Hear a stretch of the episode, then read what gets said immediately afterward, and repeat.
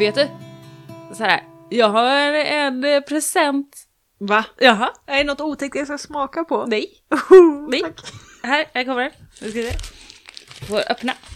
Okej. Ja. Det är... Eh, Det är inte jag som har slagit in så här. Det är inslaget i tyskt tidningspapper.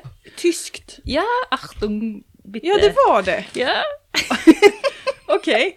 Varför har du tyskt tidningspapper hemma hos dig? Vadå, har inte du tyskt Nej, tidningspapper hemma hos inte. dig? Jag, Varför ska jag stå till svars? nej, nej, precis. Det är ett bivaxljus. Ja. Och Jag tänkte så här, åh, jag måste åka ner och köpa sådana. Jag har inte en stickare. Men shit, vad smart med Alltså att, att ljuset är liksom eh, gjutet i en egen form och hållaren är glas så man kan liksom köpa nya Man kan köpa refill-bivaxljus liksom, alltså bara Ja. själva bivaxljuset. ljuset. Liksom. Och sen så är det en ljuskopp som man kan använda om och om igen. Men man måste använda ljuskopp för annars så kommer ju ljuset flyta ut. Så det är så här, säkerhet, måste använda kopp. Mm. Eh, och vill man inte ha de här i metall och aluminium så kan man ha i glas. Och det har jag när jag säljer bivaxljus. Det är ju fantastiskt. Och vet du vad min, min yngsta unge sa i morse? Nej. När jag, för att han var jättearg. Mhm. Ehm, Så kan det gå. så kan det gå. Mm.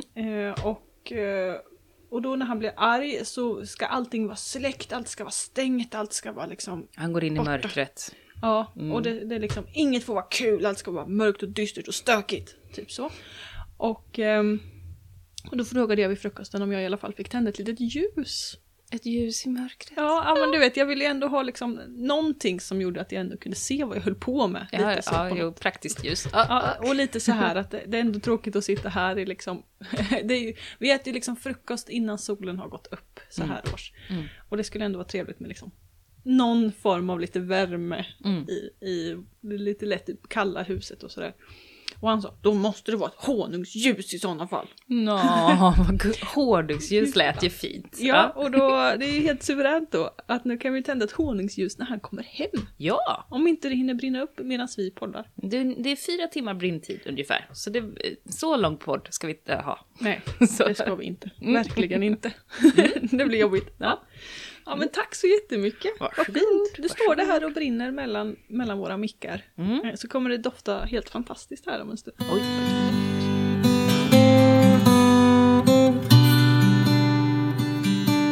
Det var, det var det. Nu är jag klar med mitt.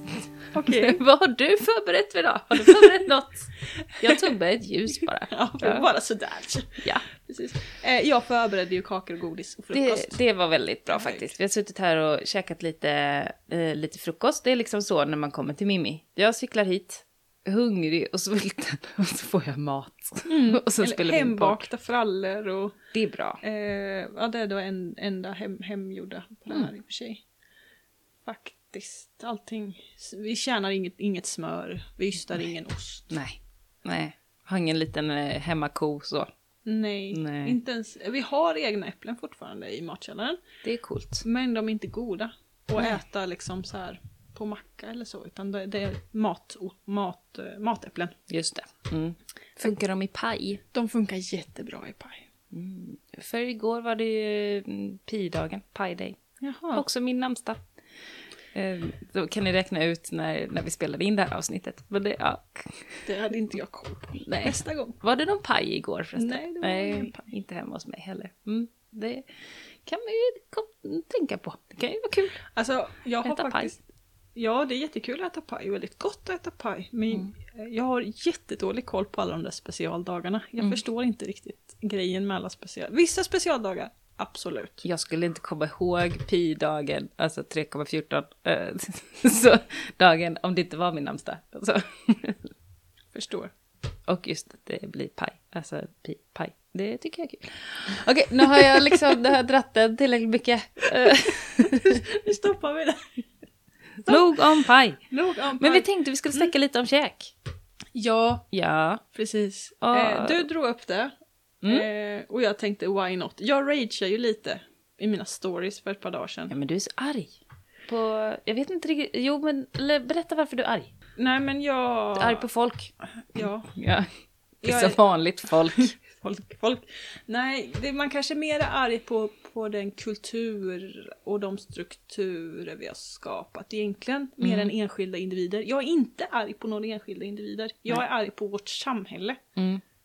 Eh, nej men jag möttes på flera håll på olika sätt i sådana här grupper där jag inte förväntar mig att möta det eh, också liksom, vilket gör att man hajar till lite extra. Mm. Eh, över att folk var så upprörda över priset på paprika. Mhm. Det är en paprika rage. Alltså folk var så här, "Ah, nu kostar röd färsk paprika 100 kronor kilot, vad går det här, hur ska man ha råd att äta? Och du tänker, Paus vad, vad fan ska du ha räkna till paprika till? Ja. Ja men lite så här, jag bara så här, va?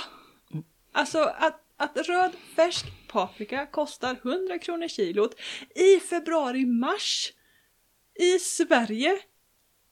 Jag fattar inte! Mm. Du det- fattar vad inte det- upprördheten. Jag fattar Mm. inte att folk är upprörda över det priset för det är väl ett väldigt, väldigt naturligt jävla pris på en gröda som vi inte kan odla här just nu. Mm. Mm. Det är väl liksom bara fullt rimligt. Mm. Det är ju dessutom en, lite av en lyxgröda. Tänk att betala vad faktiskt saker kostar. Det är skandal! Ja men lite sådär, jag bara... Vi måste lära oss att äta lokalare. Mm. Liksom. Vi kan väl i alla fall hålla oss till att äta, om inte liksom lokalt som i, i vår egen region, så i alla fall inom vårt eget land i Mm. huvudsak. Mm. Eh, så jag ragear lite över det där, att man kan fan inte förvänta sig att äta färsk paprika eh, under typ så här november, december, januari, februari, mars, april, maj, juni. Mm. För att det är inte liksom säsong för färsk paprika som vi kan odla här då. Nej. Och vi kan liksom inte förvänta oss att något annat land gladeligen ska skicka sin mat till oss. Mm. Det är liksom inte, vi har, finns väl ingen rätt? Varför, vi har inte rätten att äta färsk paprika. Mm. Alltså jag blir lite den så här rage-grejen körde Mm. jag över i mina stories. Är någon jättenyfiken kan jag lägga upp det i höjdpunkter. Eh, Rage-höjdpunkter. Ja, jag borde Ja. ha en rage-höjdpunkt Ja. kände jag. Jag kände det instinktivt. Men så försöker jag Mm. hålla mig borta från sociala medier så mycket som möjligt. Mm. För att jag slöscrollar så mycket för att jag är liksom för överhettad i huvudet. Får Mm. inget vettigt gjort. Det är lätt Slös- att hamna där. Mm. Slöscrollar istället. Och det är inte så att man blir mindre överhettad i huvudet av att slöscrolla. Nej. Liksom och möta, och mötas av alla smarta eller idiotiska grejer. Ehm, så. Men jag, jag ska nog lägga upp en rage-höjdpunkt på mitt Instagramkonto. Uh, Skurkprimaten heter jag där. Ja. Det blir kul. Mm. Vad, vad ville du prata om när du tänkte matpris? Eh, nej men jag, eh, så här, nu får jag ta det från början. Jag, jag tänker en del på det här med beredskap och sånt nu. Inte för att jag börjat lyssna på Prepperpod. Jag har slutat lyssna på Prepperpodden. Den eh, var inte så bra. Nej, den var inte så bra. Eh, eller det- alltså, den var inte för mig. Så kan vi väl säga. Mm, För att vara lite eh, så trevlig i tonen. Så. Men jag är ju gift med beredskapssamordnare. Så, och det har alltid varit eh, en, en hel del snack om beredskap hemma, även innan han fick den titeln så. Och nu igår var jag på ett möte med Tranås kommunstyrelse. Så jag sitter med i. Och då var han där. Vilket också är en väldigt konstig Just det, helt plötsligt Så här, möts man i sina så här professionella roller och inte i sina hemmaroller. Ja men precis. Och han, jag vet ju lite vad han gör men inte allt och mycket sekretess. Och så att vi pratar inte om våra jobb bara när vi är hemma liksom. Sådär. Så att jag har ju inte sett honom i sin yrkesroll, som tur är, på räddningstjänst. Man vill inte träffa dem i sitt privatliv för då har någonting hänt. Så. Men i alla fall, då hade han en, en dragning för kommunstyrelsen om det här med beredskap. Om kommunens beredskap och liksom och han avslutade den dragningen som faktiskt var jättebra. Jag måste, alltså även om han inte hade varit min make så gjorde han en jättebra dragning. Alla vaknade där inne. Det är lite kul att lyssna på vad gör vi i ens kommun om kriget kommer, om all el försvinner, om vi får problem med leverans av mat till exempel. Det är, är lite, alltså det väcker en grupp på ett annat sätt än försörjningsstödsstatistik. Mm, det Så. förstår jag. Mm. Så det, det är ett tacksamt ämne att prata om. för honom också. Och han gjorde det bra. Men då eh, avslutade han den här dragningen med en slide om att den viktigaste punkten i beredskapen är att eh, alla måste börja hemma. För att om inte ens familj är trygg så kommer inte medarbetaren komma till jobbet. Är man inte själv en tillgång eller självförsörjande så är man en belastning för samhället. Och det väckte så mycket frågor hos de här människorna. Det var många som sa, ja men nu, va- alltså om vi inte, nu lever vi i ett sånt kontantlöst samhälle. Och man inte kan mig- betala i butiken. Hur ska jag då få min mat? Och jag kan tänka mig de här människorna, alltså den majoriteten av de som engagerar sig politiskt, men efter det här valet, liksom hur förskjutningen har gått från de som bara förväntar sig att andra ska serva dem till att istället vara ar- de som arbetar, så är det liksom, har blivit en så här förskjutningsgrej. Att det måste bli skittufft för dem, som dessutom ofta ser ner på de som belastar samhället. Liksom. Eh, som drar ner på försörjningsstöd, som tar bort ett, rätten till tolk i vården, som liksom helt, massa sådana där skitsaker som man också kan ragea jättemycket över. Hur de helt plötsligt får höra, de är en belastning. Mm, precis. Om du inte klarar dig själv är det en belastning. Och de har jättesvårt att, Klara sig själva, för Ja. de förväntar sig att alla bara ska sopa åt dem. och jättesvårt att se var de ska börja och hur de ska säga, nej men vad ska jag göra om jag inte kan köpa mat? Eh, och så ja. blir de så här helt nollställda. Och så här, men vad gör jag i, så här, ja men jag bor inne i stan i det här, det här, det här bostadsområdet, tänk om all el försvinner där. Då kommer jag inte in i min port. Nej, jag kommer inte, vad händer då? Jag kan inte öppna, jag kan inte ens öppna dörren till huset kanske. Alltså jag kan Nej, inte för göra det är någonting. kodlås. Ja, jag kan inte göra någonting. Jag kan, värmen kommer försvinna.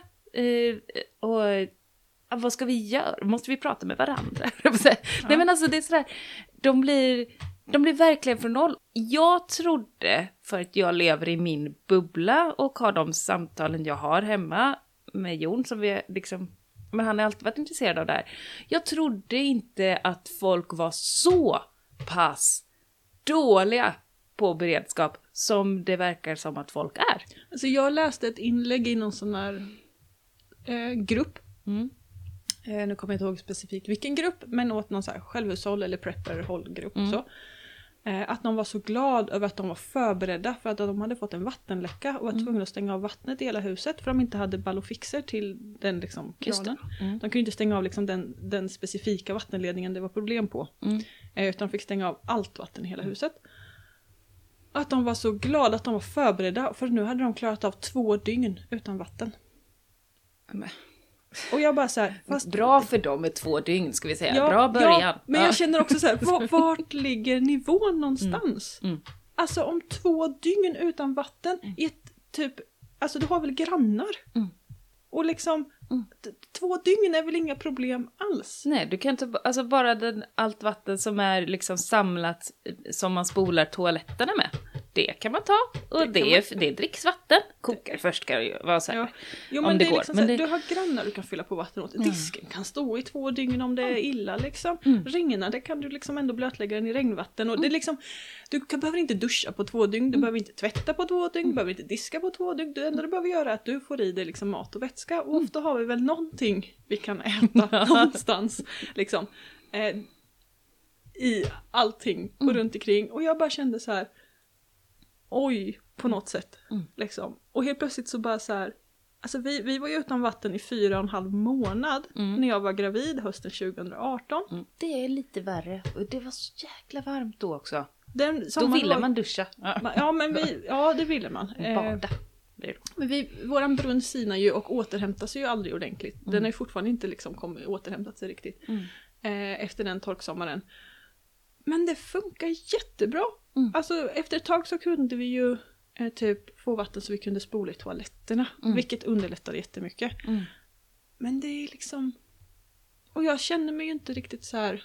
Vi behövde ju liksom typ inte ens preppa för det riktigt. Nej. För att när det problemet uppstod så var det fortfarande så att grannarna hade vatten. Mm. Det fanns alltid någon jävla petflaska eller något man kunde hämta först. Mm. Och sen kunde man ändå eh, åka och köpa dunkar och åka och fylla på hos grannarna som till dricksvatten. Och...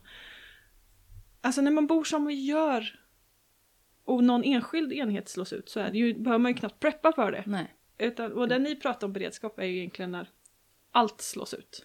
Ja, eller alltså det är eller mycket, väldigt mycket. Alltså det är när, när elen i ett helt bostadsområde eller ett helt Mm. samhälle slås ut. det är mycket svårare att slå ut en landsbygd än att slå ut en stad. Så kan Ja. vi säga. För, Staden är beroende av oss, Ja. vi är inte beroende av dem. ja, och det är ju när staden slås ut som det blir problem. Eh, För att vi, vi har bättre förutsättningar att klara oss på landsbygden. Sen så, det är klart att det blir jävligt. Det vore liksom så här, jag vill inte säga att nej men vi klarar vad som helst. Vi kan klara eh, så här decennium av atomvinter för vi har mat och vatten. Vi klarar oss helt själva i vår lilla cell. Det, för så är det inte. Och så vill inte jag. Jag, kommer, jag är ingen prepper, jag kommer inte hålla på med sånt. Men just att man har ett liksom någon form av beredskapstänk för det som kanske är eh, för det som är allra mest vanligt, men också att fundera på, som Jon hade som exempel, att tidigare tänkte man mycket utifrån scenarion. Att man tänkte så här, men vad gör jag om, om det smäller ett kärnkraftverk? Om det blir krig? Om det blir översvämning? Om det blir så? Istället för att tänka, okej, vad är det som jag är beroende av? Och så ser man det, så ta reda på om det är mat, det är vatten, det är värme, det är eh, så. Det är de här, mediciner eller vad det nu är. Och sen försöka säkra upp de kedjorna. Okej, ja men vad händer om jag inte får vatten på det vanliga sättet? Vad har jag för plan B, plan C, plan D? Vad får jag om jag inte har mat? Plan B, plan B, så och medicin. Ha lager och sådana grejer. Av det som man behöver. För att då spelar det ingen roll vad det är för kris som kommer. För du är förberedd på det du behöver. Och att det var ett mycket bredare sätt. Som de, han hade som exempel att 2019 tog vi en plan i kommunen om den här beredskapsgrejen. Jag vet inte vad den hette riktigt, men och då var det listat många sådana här scenarion. Vad gör vi om det här och det här? Och då stod pandemi med som en risk, men den ansågs inte vara särskilt trolig. Så att vi behövde inte göra några stora vi jobbar inte med det, för att det är inte så troligt att det blir en pandemi. Och i efterhand kan man ju vara lite efterklok och se att det kanske hade varit bra att jobba lite på den. För vi vet aldrig vad det är för kris som kommer, för vet vi innan vad det är för kris som kommer, ja men då blir det ingen kris. Ja, Och det är ju det som det handlar om, att man inte vill ha kris. Så, så att utgå liksom, vad är det jag behöver på riktigt? Behöver, inte behagen. Och så säkra upp det. Det blir lite enklare också, istället för att behöva förbereda för allt. Hur osannolikt det än och jag är. tänker, oavsett vad som än händer så är det ju på något sätt så här vatten, mat, värme, Kommunikation. kommunikation som man behöver. Mm. Alltså det, det förändras ju inte jättemycket oavsett om det är strömavbrott eller elförsörjning slås Mm. ut eller det blir pandemi eller man blir bara, vad som än händer. Och mediciner kan vara bra om man är Ja, behov ja, av sådana. medicin, Liksom. medicinen Mm. är ju jätteviktig och där är man ju väldigt sårbar.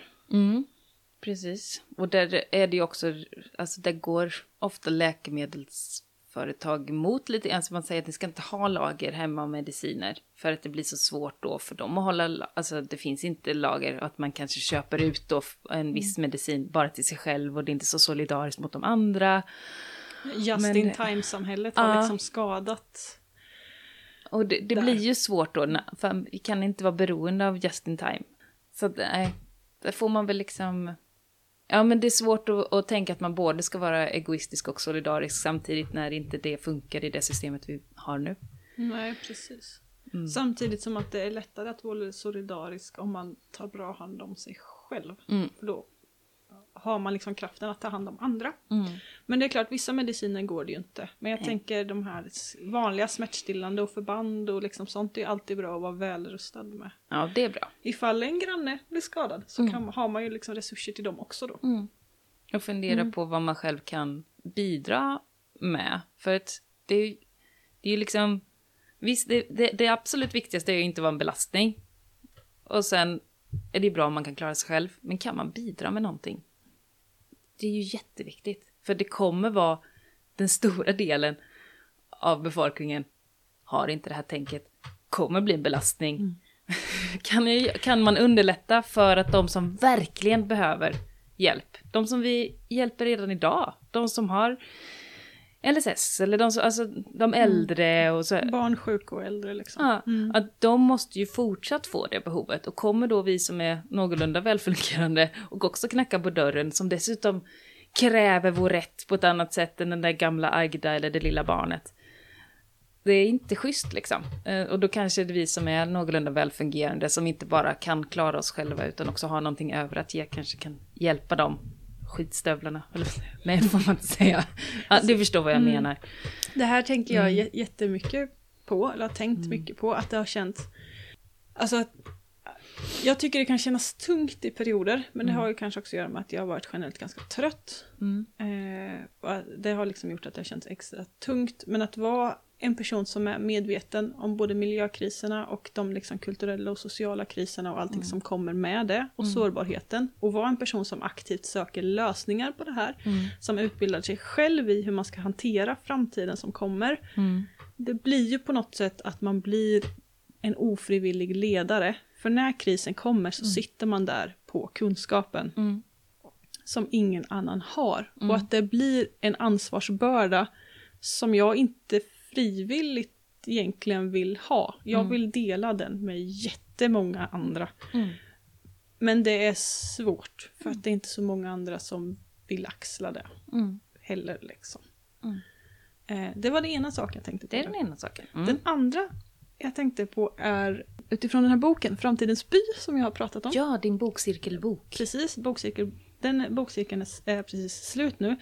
Men det jag tar med mig och som också ehm, podden Jord är du, Mm. som hon Byaliv, Maria Engelbrektsson och Jordelivet, Anneli, nu vet jag inte vad hon heter efternamn, Mm. gör. Det är också en vä- väldigt bra podd. Jag har lyssnat några avsnitt har jag gjort. Har jag. Mm. Mm. Jag tycker den är väldigt bra. Mm. Ehm, även om jag inte håller med om allt de säger och Mm. även om jag inte kan förstå den liksom religiösa Ja, det är den jag har haft lite svårt för också. Men det är ju så olika vad Ja, man tycker. Jag, Jag tycker... tycker- de pratar fint. Det gör Ja, Mm. jag tycker Men de har också haft ett poddavsnitt som heter Väx upp tror jag, om, Mhm. om, för ett tag sedan, om det här. Men det här med eh, mänsklighetens, eller människa, samhällets vuxenblivande. Att vi är inte ansvarstagna vuxna som samhälle nu, utan vi är på något sätt eh, allt ifrån liksom småbarn som behöver tas hand om, fast Mm. vi är liksom åldermässigt fullvuxna människor, vi har jobb och vi har Mm. boende och vi har liksom räkningar och allting, så är vi fortfarande på något sätt som små barn som behöver att någon annan Mm. försörjer oss och tar hand om oss och ser till att allting rullar. Mm. Eh, eller att vi liksom är lite som tonåringar som bara säger ah men det löser någon annan. Mm. Den här grejen, eh, argumentet med att som man möter ibland, någon annan får lösa klimatkrisen. Mm. Alltså jag tror att nästa Någon annan generation någon är så smarta annanstans. så de löser det. Ja, det. Liksom. De som pluggar till, till ingenjörer och sånt nu, de är så smarta så de kommer hitta på en lösning till det här. Det är liksom, det är så här tonårsgrej liksom. Mm. När man så här super sig full och bara så här, vart ska du sova i natt? Ah, jag vet inte, det, jag slaggar väl hos någon. Någon kommer väl liksom se till att jag somnar tryggt någonstans. Ja, men ska vi men- lita på epadunk-generationen att lösa klimatkrisen? Är det liksom Nej. vettigt? Nej men det, det ska vi inte. Men vi, vi måste ju också se oss själva, att vi trots att vi kan vara 50 år fortfarande beter oss som tonåringar som väntar, att, förväntar oss att någon annan ska se till att vi bara kan gå till affären och bara fixa maten, Mm. fixa vattnet, fixa värmen, fixa allting. Att det liksom, för att vi ägnar oss åt att bara så här glättjefullt leva i någon jävla mellantid med arbetsuppgifter som egentligen inte ens är meningsfulla, med sysselsättningar som egentligen inte är meningsfulla. Mm. Där vi liksom ägnar tusenlappar åt att, att träna på gym bara för sakens skull. Men vi har total oförmögna till att fälla ett träd och se till att vi kan skapa värme i vårt hus. Ja, precis. Det är ju, det är liksom så här, vi är ju inte vuxna, för vuxen innebär att vara ansvarstagande. Mm. Att se till att rå om sig själv och rå om de som behöver det. Mm. Och det gör vi ju inte Mm. som samhälle. Det är det andra jag tänker på. Mm. Just det här att alla är så oförmögna att se till att om samhällsservicer slås ut, om leveranskedjor slås ut, Mm. så är folk Alltså det räcker ju med att leveranskedjorna slås ut Mm. så står ju folk där utan möjlighet att värma sina hus. Mm. För att elverken inte kan producera el till exempel. Mm. Eller fjällvärmeverken inte kan producera värme för att Mm. det inte kommer någon flis. Mataffärerna kan inte liksom leverera mat. Mm. Eh, och vatten och liksom allt bara rasar ju sakta men säkert. Mm. Och folk har liksom de vet inte ens hur. De kan inte ens hitta ursprunget till de tjänsterna de behöver. Alltså de så här, jag behöver potatis, men var kommer potatisen ifrån? Något träd. Något träd. Ja? Plockade som frukter. Det är därför de är så rena och fina och ojordiga i affären. Mm. Ja men alltså det är så här, vi måste växa upp. Vi Mm. måste bli vuxna som, som samhälle. Mm. Eh, och det tänker jag också att matvärnsrörelsen, de här värnrörelserna som dyker upp, matvärn, skogsvärn, eh, det är något mer eh, värn som liksom kommer upp så här. Att de är oerhört viktiga, för det handlar ju om det. Mm. Att liksom kunna rå om sig själv, att kunna skapa hållbara relationer, att vara solidarisk med andra och se till att det finns det man behöver. Mm. Mat på bordet i just matvärnsfallet. Liksom.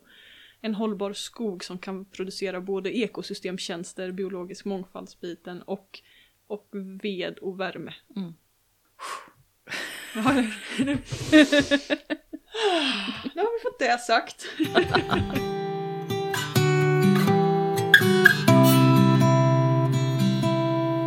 Får jag prata matpriser med nu? Ja, Ännu mer? kör på. Eh, om du kände dig färdigpratad kring beredskapsbiten. Ja. Eh, biten. Ja. För att eh, för ett tag sedan Mm. så Gud vad jag pratar om mina sociala kanaler. Förlåt för att jag bara pratar om mina sociala Men kanaler. det är, den, den, det är de du träffar nu. det är, de, det är mycket Det är de, de jag och träffar. hönsen. Och jag menar hönsen, de tillför jättemycket i ens liv. Men de är inte kommunikativa på det sättet som sociala medier är. Nej, det är de verkligen inte. Och jag känner också att nyheterna, man behöver liksom de nyheterna man nås av genom att gå in på nyhetssajterna är så begränsade. Mm. Liksom. Eh, att man behöver verkligen liksom få informationen från flera olika håll för folk läser dessutom olika saker och Mm. sådär. Men att det i början på mars publicerades en lista i en artikel i DN med de mest köpta varorna för 2022. Mm. Eh, I antal står det på den här printscreenen jag har tagit. Eh, men jag tror också att det stod i... I det, antal, kan det vara förpackning också?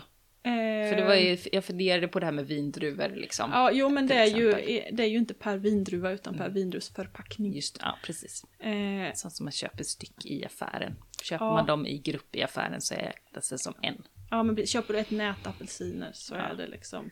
Och det mäts väl kanske i kilo och sånt. också, just Mm. eh, men jag för mig också att det stod att det både var i antal men också i, i mm, ekonomisk... Alltså så, för de vi köper många av det drar ju också in mest pengar. Det är också Just det vi lägger mest pengar på, det vi köper mycket Mm. av.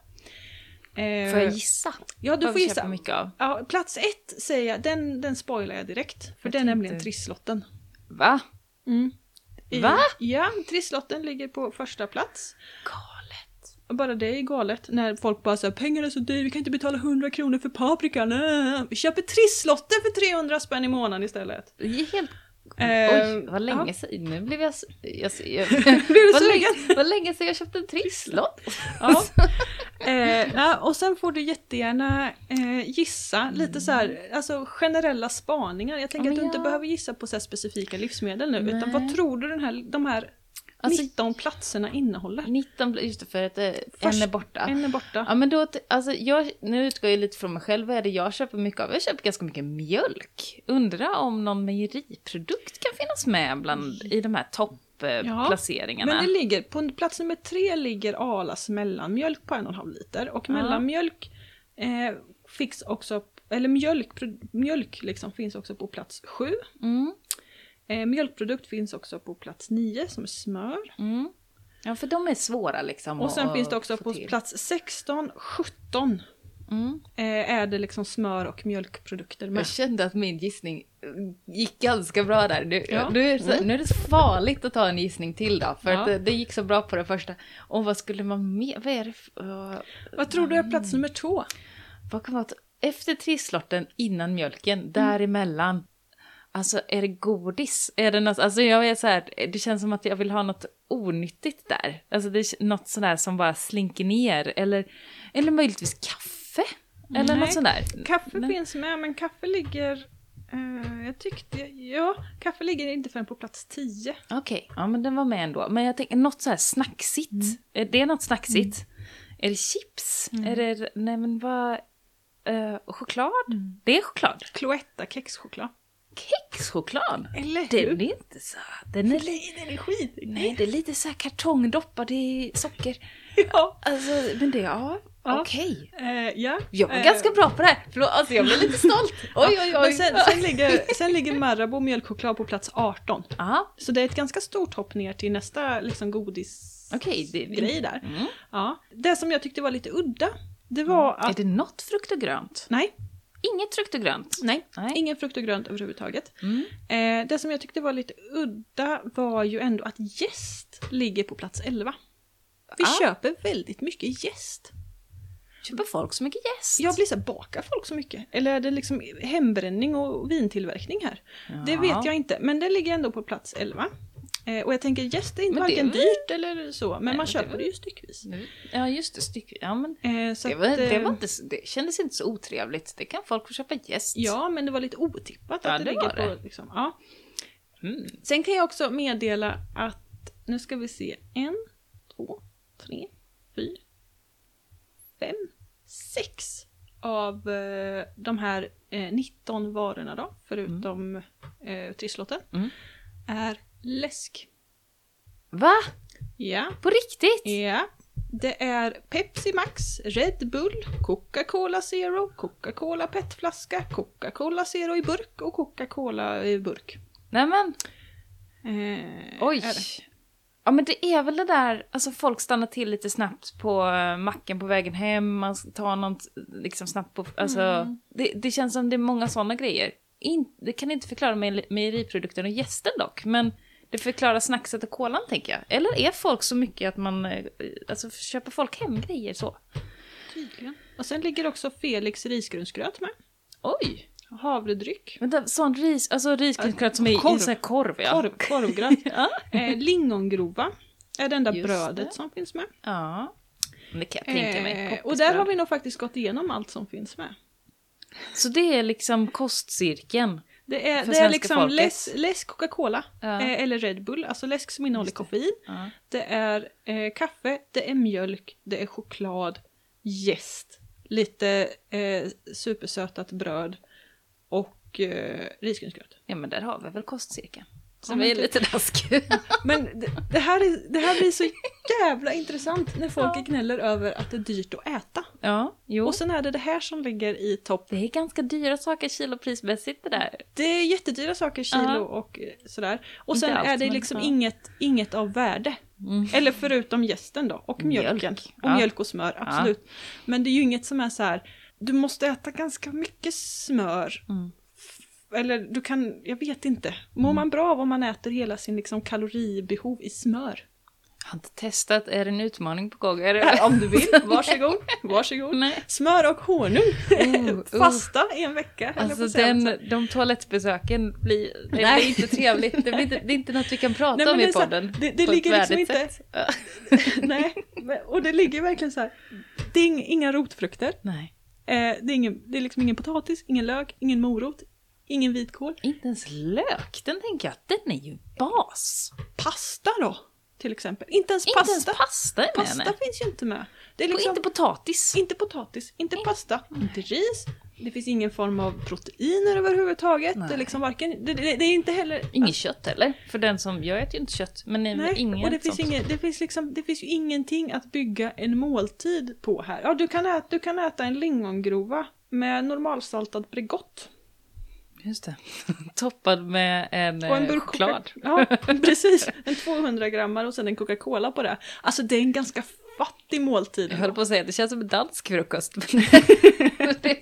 Förlåt, jag har släkt i Danmark. Det går Ja. jättebra. Men det, att ha choklad på Ja, macka, men, det är jag, svårt. jag känner så här, här har vi liksom 15-åriga gamer-grabbens Mm. frukost.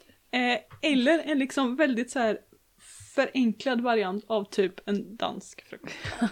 Vinbröd, chokladfyllt vinbröd liksom på något Ja. sätt. Och en, och en eh, cappuccino i så här. Yeah, yeah. ja.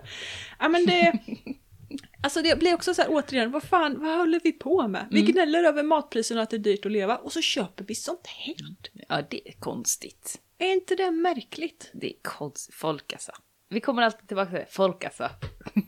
Ja, ja, ja men jag, jag, jag blir så här, vad, vad, jag, jag får inte ihop det. Det blir Nej. liksom så här, jag, eh, mm. Precis som vi pratade om innan vi började podda här om den där tweeten som jag hade sett från en högerpolitiker Mm. som sa att vi har eh, eh, religionsfrihet i Sverige men islam är en främmande religion.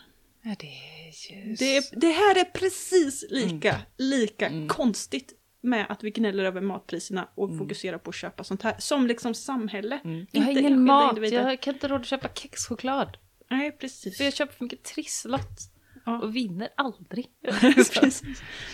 Ja, det som du sa, man får röra på sig mycket man vill bara man sitter still. Ja. Det är samma jävla logik på något sätt. Alltså jag, jag, jag får inte ihop det.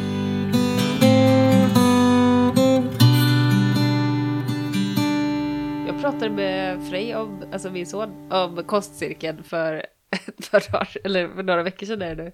Och frågade, Frej, vad är, för de hade pratat om kostcirkeln tror jag. Det något kom ju en ny kostcirkel för ett tag sedan. Ja, kanske var.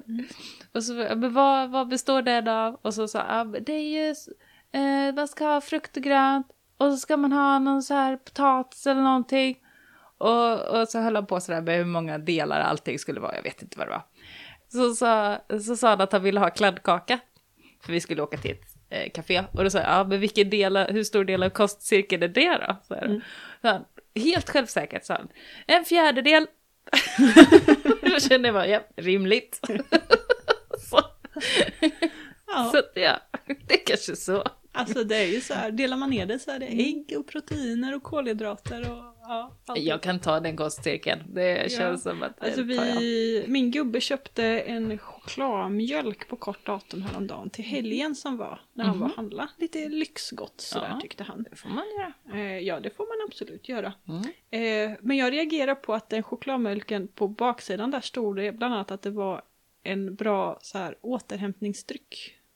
Återhämtningsdryck. Ja, men efter träningspass och så liksom. Jaha, är det återhämtningsdryck? Ja, och jag fattar lite den grejen för att det är så här kolhydrater och lite proteiner och lite kalcium. Alltså det är ju så här egentligen dåliga grejer om Ja. man plockar ner det. Mm. Men för mig blir det också lite knäppt att saluföra chokladdryck eller typ de här chokladkakorna, de här sportlunch. Just det. Som liksom ett, ett, alternativ, alltså ett, så självklart alternativ till mellanmål och på något. För mig blir det liksom lite fel. Ja, för, dig, för dig är det kex. För mig är det kex Ja. och godis Mm. och sötsaker liksom. Mm. Och det begränsar man lite för att det ska vara just något extra gott och Mm. lyxigt och lite kul. Ja, det, det är lurigt det där. Jag hade jättesvårt att se pannkakor som en eh, riktig måltid innan eh, jag började med så här fylla dem med andra saker. Eller hur? Ja, men att bara äta pannkakor med sylt och grädde, det tycker inte jag är, det är inte mat, det är efterrätt. Ja men Så. precis. Men- Jag, kan käka pannkakor men då vill jag fan ha knäckebröd och grejer till. Någonting som Ja. hänger lite liksom. Jag brukar ha så här, alltså om man har om man fyller dem med tomat och fetaost eller så någon Ja, svampröra eller avokadoost. Ja, fast med andra grejer, Grejer. Och man behöver inte haft dem i ugnen innan, utan man kan bara, men man rullar dem Man så. ser dem bara som ett skal att fylla. Ja, Mm. och då, då tycker jag att det funkar, men inte när det bara är sylt. Jag Så, så hade- det, det, är för- mm, saker kan byta skepnad Ja. om man eh, får det på ett annat vis. Jag vet, jag hade en vän som barn och de åt inte grädde till pannkakorna, de åt alltid glass. Alltså, och då blir det ju ännu mindre måltid. Just det, det åt jag faktiskt igår. Ja, det är gott, Mm. men det blir ju liksom ingen... Mm. Det är fikamellis, inte en kvällsmat. Precis. Ja, nej, eh, det finns my- mycket att säga om eh, våra matvanor och våra prioriteringar och hur idiotiskt tonårsaktigt, barnsligt, bajsigt vi beter oss som samhälle. Mm. Eh, som öser över ansvar på någon annan Mm. och i, inte tar ansvar eh, för vårt egna vuxenblivande. Mm. Nu vill jag nästan slå näven i bordet här. Det får inte bli dåligt ljud.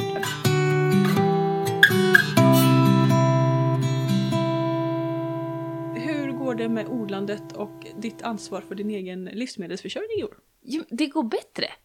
Förra året så sket jag i min egen livsmedelsförsörjning Ja. med, med liv och lust och, och sådär. Nu så tycker jag att eh, det, går, eh, det går framåt. Eh, det är lite, börjar bli trångt. Så kan vi säga. Mhm. För att jag, eh, det brukar inte vara kallt så här länge. Jag har kollat på SMHI till och med. Okej. Våren brukar, alltså om man kollar bak till 2015. Mm för det är så långt de hade på sin hemsida. Det där snabb, de har säkert, i något arkiv kan man säkert leta längre, men på det snabbaste stället var det 2015. Och då står det att våren i vår del av Sverige brukar komma andra veckan i mars. För om man tänker 20, det har gjort det alla år förutom två av de här. Det var ett år där det hade kommit redan i början av februari, det är då den, alltså då den börjar räkna.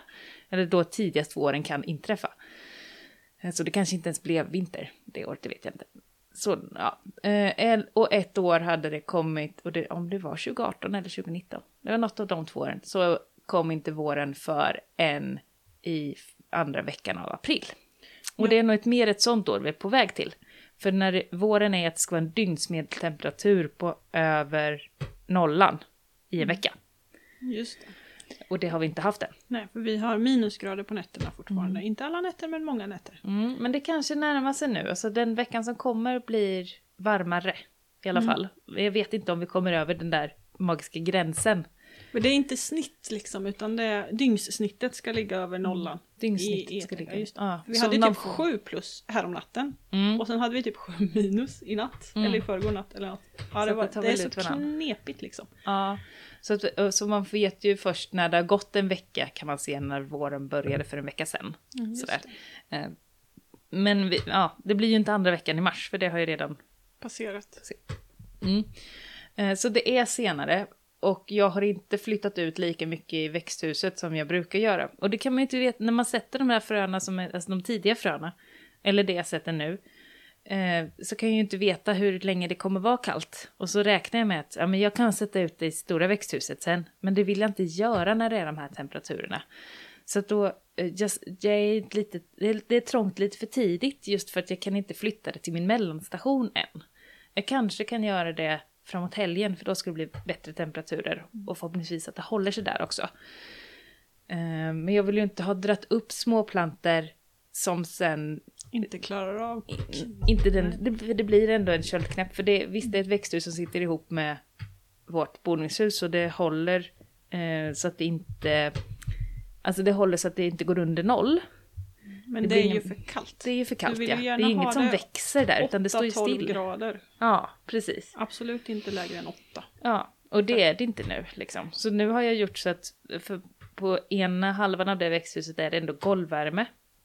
För att hålla någon form av grundtemperatur för att kunna hålla det frostfritt. Och då sett, har jag satt ett odlingsskåp med öppen botten. Alltså det är bara ett, bara ett litet skåp egentligen på golvvärmen och så sätter jag in plantor där. Men det får inte plats hur mycket som helst där i heller. Så det är också fullt. Men där står nu panser och eh, kronärtskockor. Och sen har jag satt ut mina sådder av bondbönor och spenat och sånt har jag satt ut där. Och tänkt att de kan börja gro där ute. Men det har inte grott på, alltså det var ett par veckor sedan, men de gror inte där ute. Så det är så kallt så att det inte gror ens i det någorlunda uppvärmda växthuset. Men hur...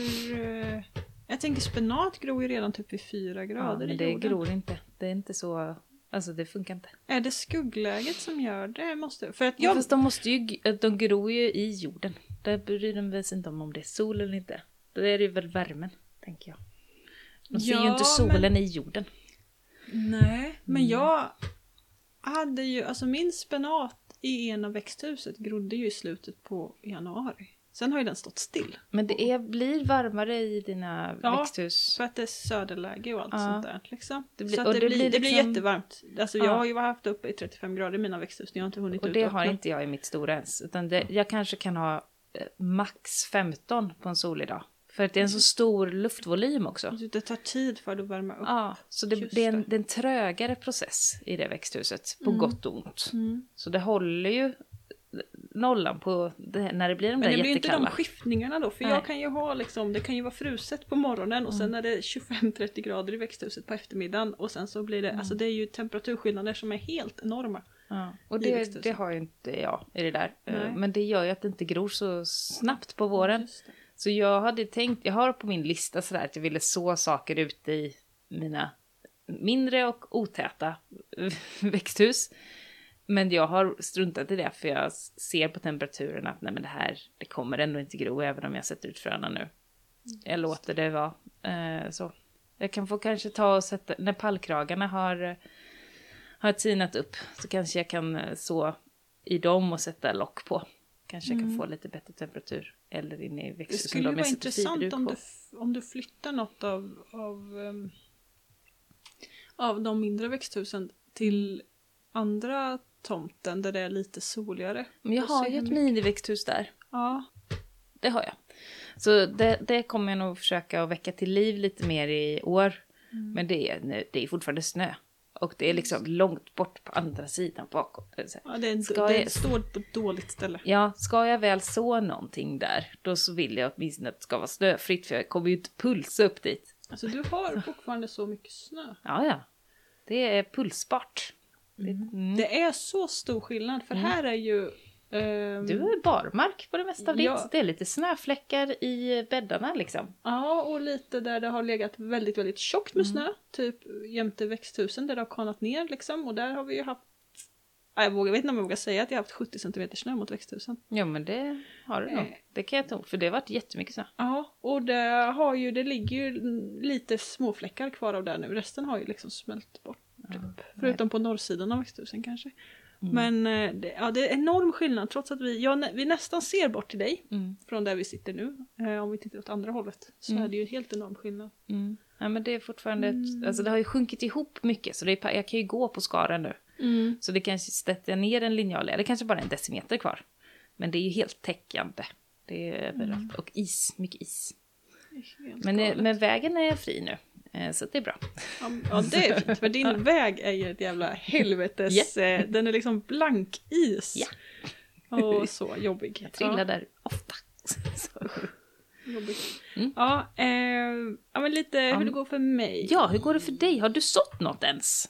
Ja, Du har det? jag har sått... Eh, Berätta, vad har du sått för något? jag har sått chili och paprika. Oh! Vad, eh, hur många sorter paprika? Inte för att det är en tävling, utan bara för att jag är nyfiken. Fem kanske? Fem. Mm. Två sorters chili. Mm. Så. Det är ändå begränsat och rimligt. Ja, men Ja. my- mycket mer än vad jag kunnat odla när jag odlat frö. För i år kommer jag inte odla frö, Gud, utan då skönt. satsar vi på liksom mångfald. Behövde ett par- Mångfald på fem. Förlåt, ja, det är jättekul med Ja, mångfald men, jo, på fem. Istället för att ha 30-40 plantor av en sorts paprika så kommer jag ju kanske ha 20-30 plantor av fem sorters paprika. Och jämförelsevis Men är det det är en paprika eller tomat nu? paprika. Paprika. Tomater, de, de ska jag så i eftermiddag. Jaha, för jag tyckte du sa att du hade sått pa- äh, Nej, tomat. chi- Ja. chili, jag kanske sa det, men jag menar chili och paprika. Du menar chili och paprika? Okej. Chili och Mm. Eh, mm, och tomaterna och löken och där brukar jag ju så... Men fem sorters paprika är bra. Det var jag trodde du menade fem sorters tomat. Ja, Förlåt, nej. men fem sorters paprika är jättebra. Jag har haft problem, min paprika har inte grott alls. Min gror också skitdåligt. Ja. Skit, skitdåligt. Jag känner att jag börjar få en så identitetskris som liksom... Jag har fan utbildningar i hur man odlar liksom. Men jag tror att det är lite kallt. Både du och jag har det väldigt kallt. Ja, Här vi, hemma. jag, jag har flyttat upp min son till det varmaste rummet Ja. där vi dessutom har äggkläckaren som står och värmer upp extra liksom. Mm. Eh, och eh, med värmematta och hela du vet faderullan. Och det gror men det gror dåligt alltså. Ja, jag har inte använt värmemattan i år. Jag kanske borde gjort det. Det känns lite sent att försöka dra igång paprikan nu. Ja, det, ja nu Mm. är det lite sent om man inte hittar någon supersnabb sort. Ja. I alla fall här hos oss. Ja, liksom. nej, jag Det får, nog, jag får skippa det. Jag har några chilisar. Och så får vi väl se.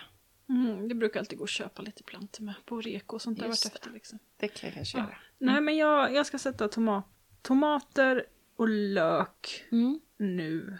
Eh, Från frö, lök Ja, från frö. Mm. Lök från frö. Eh, nästa vecka eller i slutet på den här veckan eller något sånt där. Jag brukar så runt vecka 12. Det är bra. Det är lite lagom liksom. Mm. Då kan man plantera ut dem vecka 2022. Jag Då är de inte så svårt med lök från frö. Jag, jag, purjolök har jag sagt från frö nu. Men, Mm. Jag har lyckats bättre med att få löken att lagra in bra och sånt när jag odlat den från frö. Än Mm. från jag får, sättlök. de blir ingen storlek på dem. Näring och vatten, näring och vatten. Det är så. Jättemycket näring och vatten. Mm.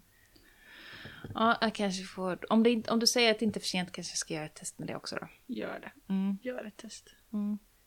Det är ju fruktansvärt mycket frö i en lökfröpåse. Det är det. Så att, Hur många tomatsorter har du tänkt så eftermiddag då?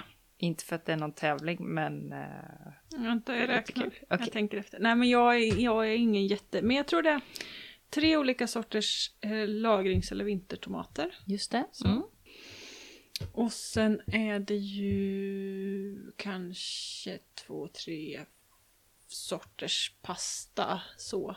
Mm. Tomater. Och Mm. sen är det ju några sorters eh, små tomater, körsbärs eller pärontomater och sånt. Mm. Så det kanske... Alltså siffran nio dyker upp i Mm. mitt huvud, att det är nio totalt. Det är där kring. Ja, Nio typ, nio-ish. ja precis. Det är det, inte så mycket mer. Mm. Ja, men det är Lägger du typ på en nolla? Nej. Eh, eh, kanske i planter kanske jag får lägga på två nollor. Nej, nej, nej. nej, men 24 stycken sorter har jag sått i år. Mm. Och gjort det stora misstaget. Oj, oj, oj, jag vet inte, jag kanske inte ens vågar berätta det. Du har inte e- satt etiketter på dem? Jo, det har jag. Men du har blandat ihop dem? Nej, det har jag Du inte. har skrivit otydligt? Jag har skrivit med en penna som jag märker att när jag har vattnat så försvinner färgen. Och nu har den försvunnit nästan så pass mycket så det inte är läsligt. Så jag måste hitta en spritpenna och fylla i innan, innan allt är förlorat, allt är borta, jag kan inte se skillnad. Men var det inte du som något det än. år bara inte ens liksom satte etiketter på dem utan bara liksom Ja, planterade dem lite huller och? Ja, det, och det funkar också. Det Ja, funkar det blir tomater jättebra. oavsett. Ja, ja. Så att, eh, det är kul. Eh, så det går bra vilket som. Men nu när jag ändå hade gjort jobbet och göra, alltså skriva namnet på de här pinnarna. Men jag orkade inte hitta en bra penna utan tog någon av barnens vanliga tuschpennor. För det var det som låg framme. Det, jag har en liten hemma som tar alla pennor och ritar på lite allt möjligt. Väggar och tak och brorsans rum. Och, alltså det, det kan bli väldigt dålig stämning. Och hon, jag tror inte, alltså hon tänker inte på det. Utan hon, hon är bara kreativ. Och det är ju fint. Men det blir ju tråkiga konsekvenser av det. Så mina pennor får fötter. Mm. Även de här bra pennorna. Och jag orkade inte leta mer, för det är ett ständigt letande efter dessa pennor. Och så, så gjorde jag som jag gjorde, och nu får jag stå mitt kast. Mm. Så jag måste hem och leta bra penna och försöka rädda det här innan jag vattnat sönder mina etiketter. Testar du massa nya tomater så att du behöver Ja. veta? Ja, jag testade ju bland annat de här sju som jag fick av dig. Just det. Ja, så de är ju nya för mig. Jag tror att alla de var nya för mig. Eh, och det vill jag ju ha koll på om de funkar eller inte. Det vill jag också ha koll på. Ja, så då tänkte, nu måste jag ju veta här vad det är för några. Och sen så några gamla trotjänare och mycket sådär, en del väldigt gamla frön också som jag tänkte såhär, kommer de här rätt? De här tog jag ju 2015, tog eget frö på. Aha, det är någon grobarhet kvar, tror vi? Nej, vi testar, slänger i några extra. Så att jag har ju så, jag har ett pluggbrätte som är 8 gånger 12 fack. Det blir 96 eller något sånt där. Och det fick jag avgöra hur många sorter jag hade, för jag hade ju fler sorter i lådan. Men då tänkte jag att ja, men antingen tar jag ju då 12 sorter, eller så tar jag 8 sorter, eller tar jag 16 sorter, alltså att jag delar det på hälften. Mm. Eller så tar jag 24 sorter. Så att jag tar det liksom på det långa hållet, att det blir 12, och sen så 12 gånger 4 och sen 12 gånger 4 blir 12 gånger 8. Eh, och det var så jag gjorde. så, så att jag rensade ur, fick bara använda 24. Och det var en begränsning för mig. så, Även om det inte låter så. Men eh, så att jag har fyra pluggar av varje sort och sen så mellan ett och fler frön i varje plugg. Så. Mellan ett och fler. Ja men Ja. fyra, det kan ju liksom, tänk om de inte gror. Det kan bara, så att bara bli någon planta liksom. Ja, precis. Och det är ju tråkigt. Vad vill... Bra gardin. Jag tar två... I den här påsen var det bara tio. Jag tar allihop. Alltså det är lite sådär. Mm. Man köpslår lite vid varje sort och ser hur mycket finns det och vad... Är det inte värt att spara de här? Jag äh, slänger i dem också. Håller man på sådär. Så jag vet inte hur många frön jag faktiskt har sått. Eh, Men de har börjat titta upp nu. Det är väldigt kul. Och sådär. Och så snart blir det dags att plantera om dem. Men de måste växa till sig lite till. Och alla sorter har inte tittat upp än. Det är ju, eh, de gror ju väldigt ojämnt. Liksom. Det är en liten följetong. Det blir spännande. Ja men det blir det. Och jag börjar fundera på nu vad, vad man ser fram emot att äta. Tomat. Nej. ja, det också. Um, ja, vad man ser Alltså, fram vad, vad ser man bäst fram emot att skörda liksom det här. Mm. Vad är målbilden nu? För nu måste man på något sätt bara ta sig igenom den här eh, våren. Mm. Jag får upp så minnesbilder om att vi hade snö 26 april här någon Mm. gång liksom. Att man så här laddar för att sätta potatis och sen vaknar man och då är det vitt. Mm. Liksom. Ja men jag, jag Eh, det är 26 väldigt- april är ju min födelsedag. Ja. Så att jag, den, den är det ibland snö på. Ja, det är Mm. väldigt framåt och tillbaka nu. Eh, Ja. i långt, Mm. i flera veckor framöver. Samtidigt som det bara är 8-10 veckor kvar tills tomaterna ska ut i växthusen. Ja, det, det, Det blir trångt i kalendern i maj. Ja, Så, för vi kan inte, jag kan, jag kan verkligen inte vara ute och rensa några land eller för, alltså, nej. N- nej men alltså redan och nu. Nej. För det, vissa år kan man ju göra det, att man kan förbereda och liksom rensa bort ogräs, förbereda, sätta, sätta ut vissa saker kallt med fiberduk på. Jag är inte ens, eh, det är ju snö på mina land fortfarande och tjäle i marken, jag vet inte hur långt ner. Så det kommer ta ett tag innan jag ens kan börja bearbeta jorden. Mm. Ja men det är det.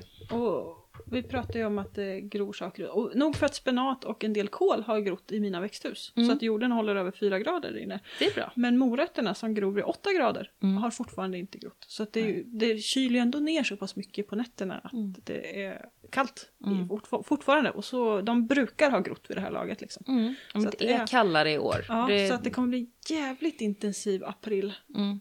eh, månad känner jag.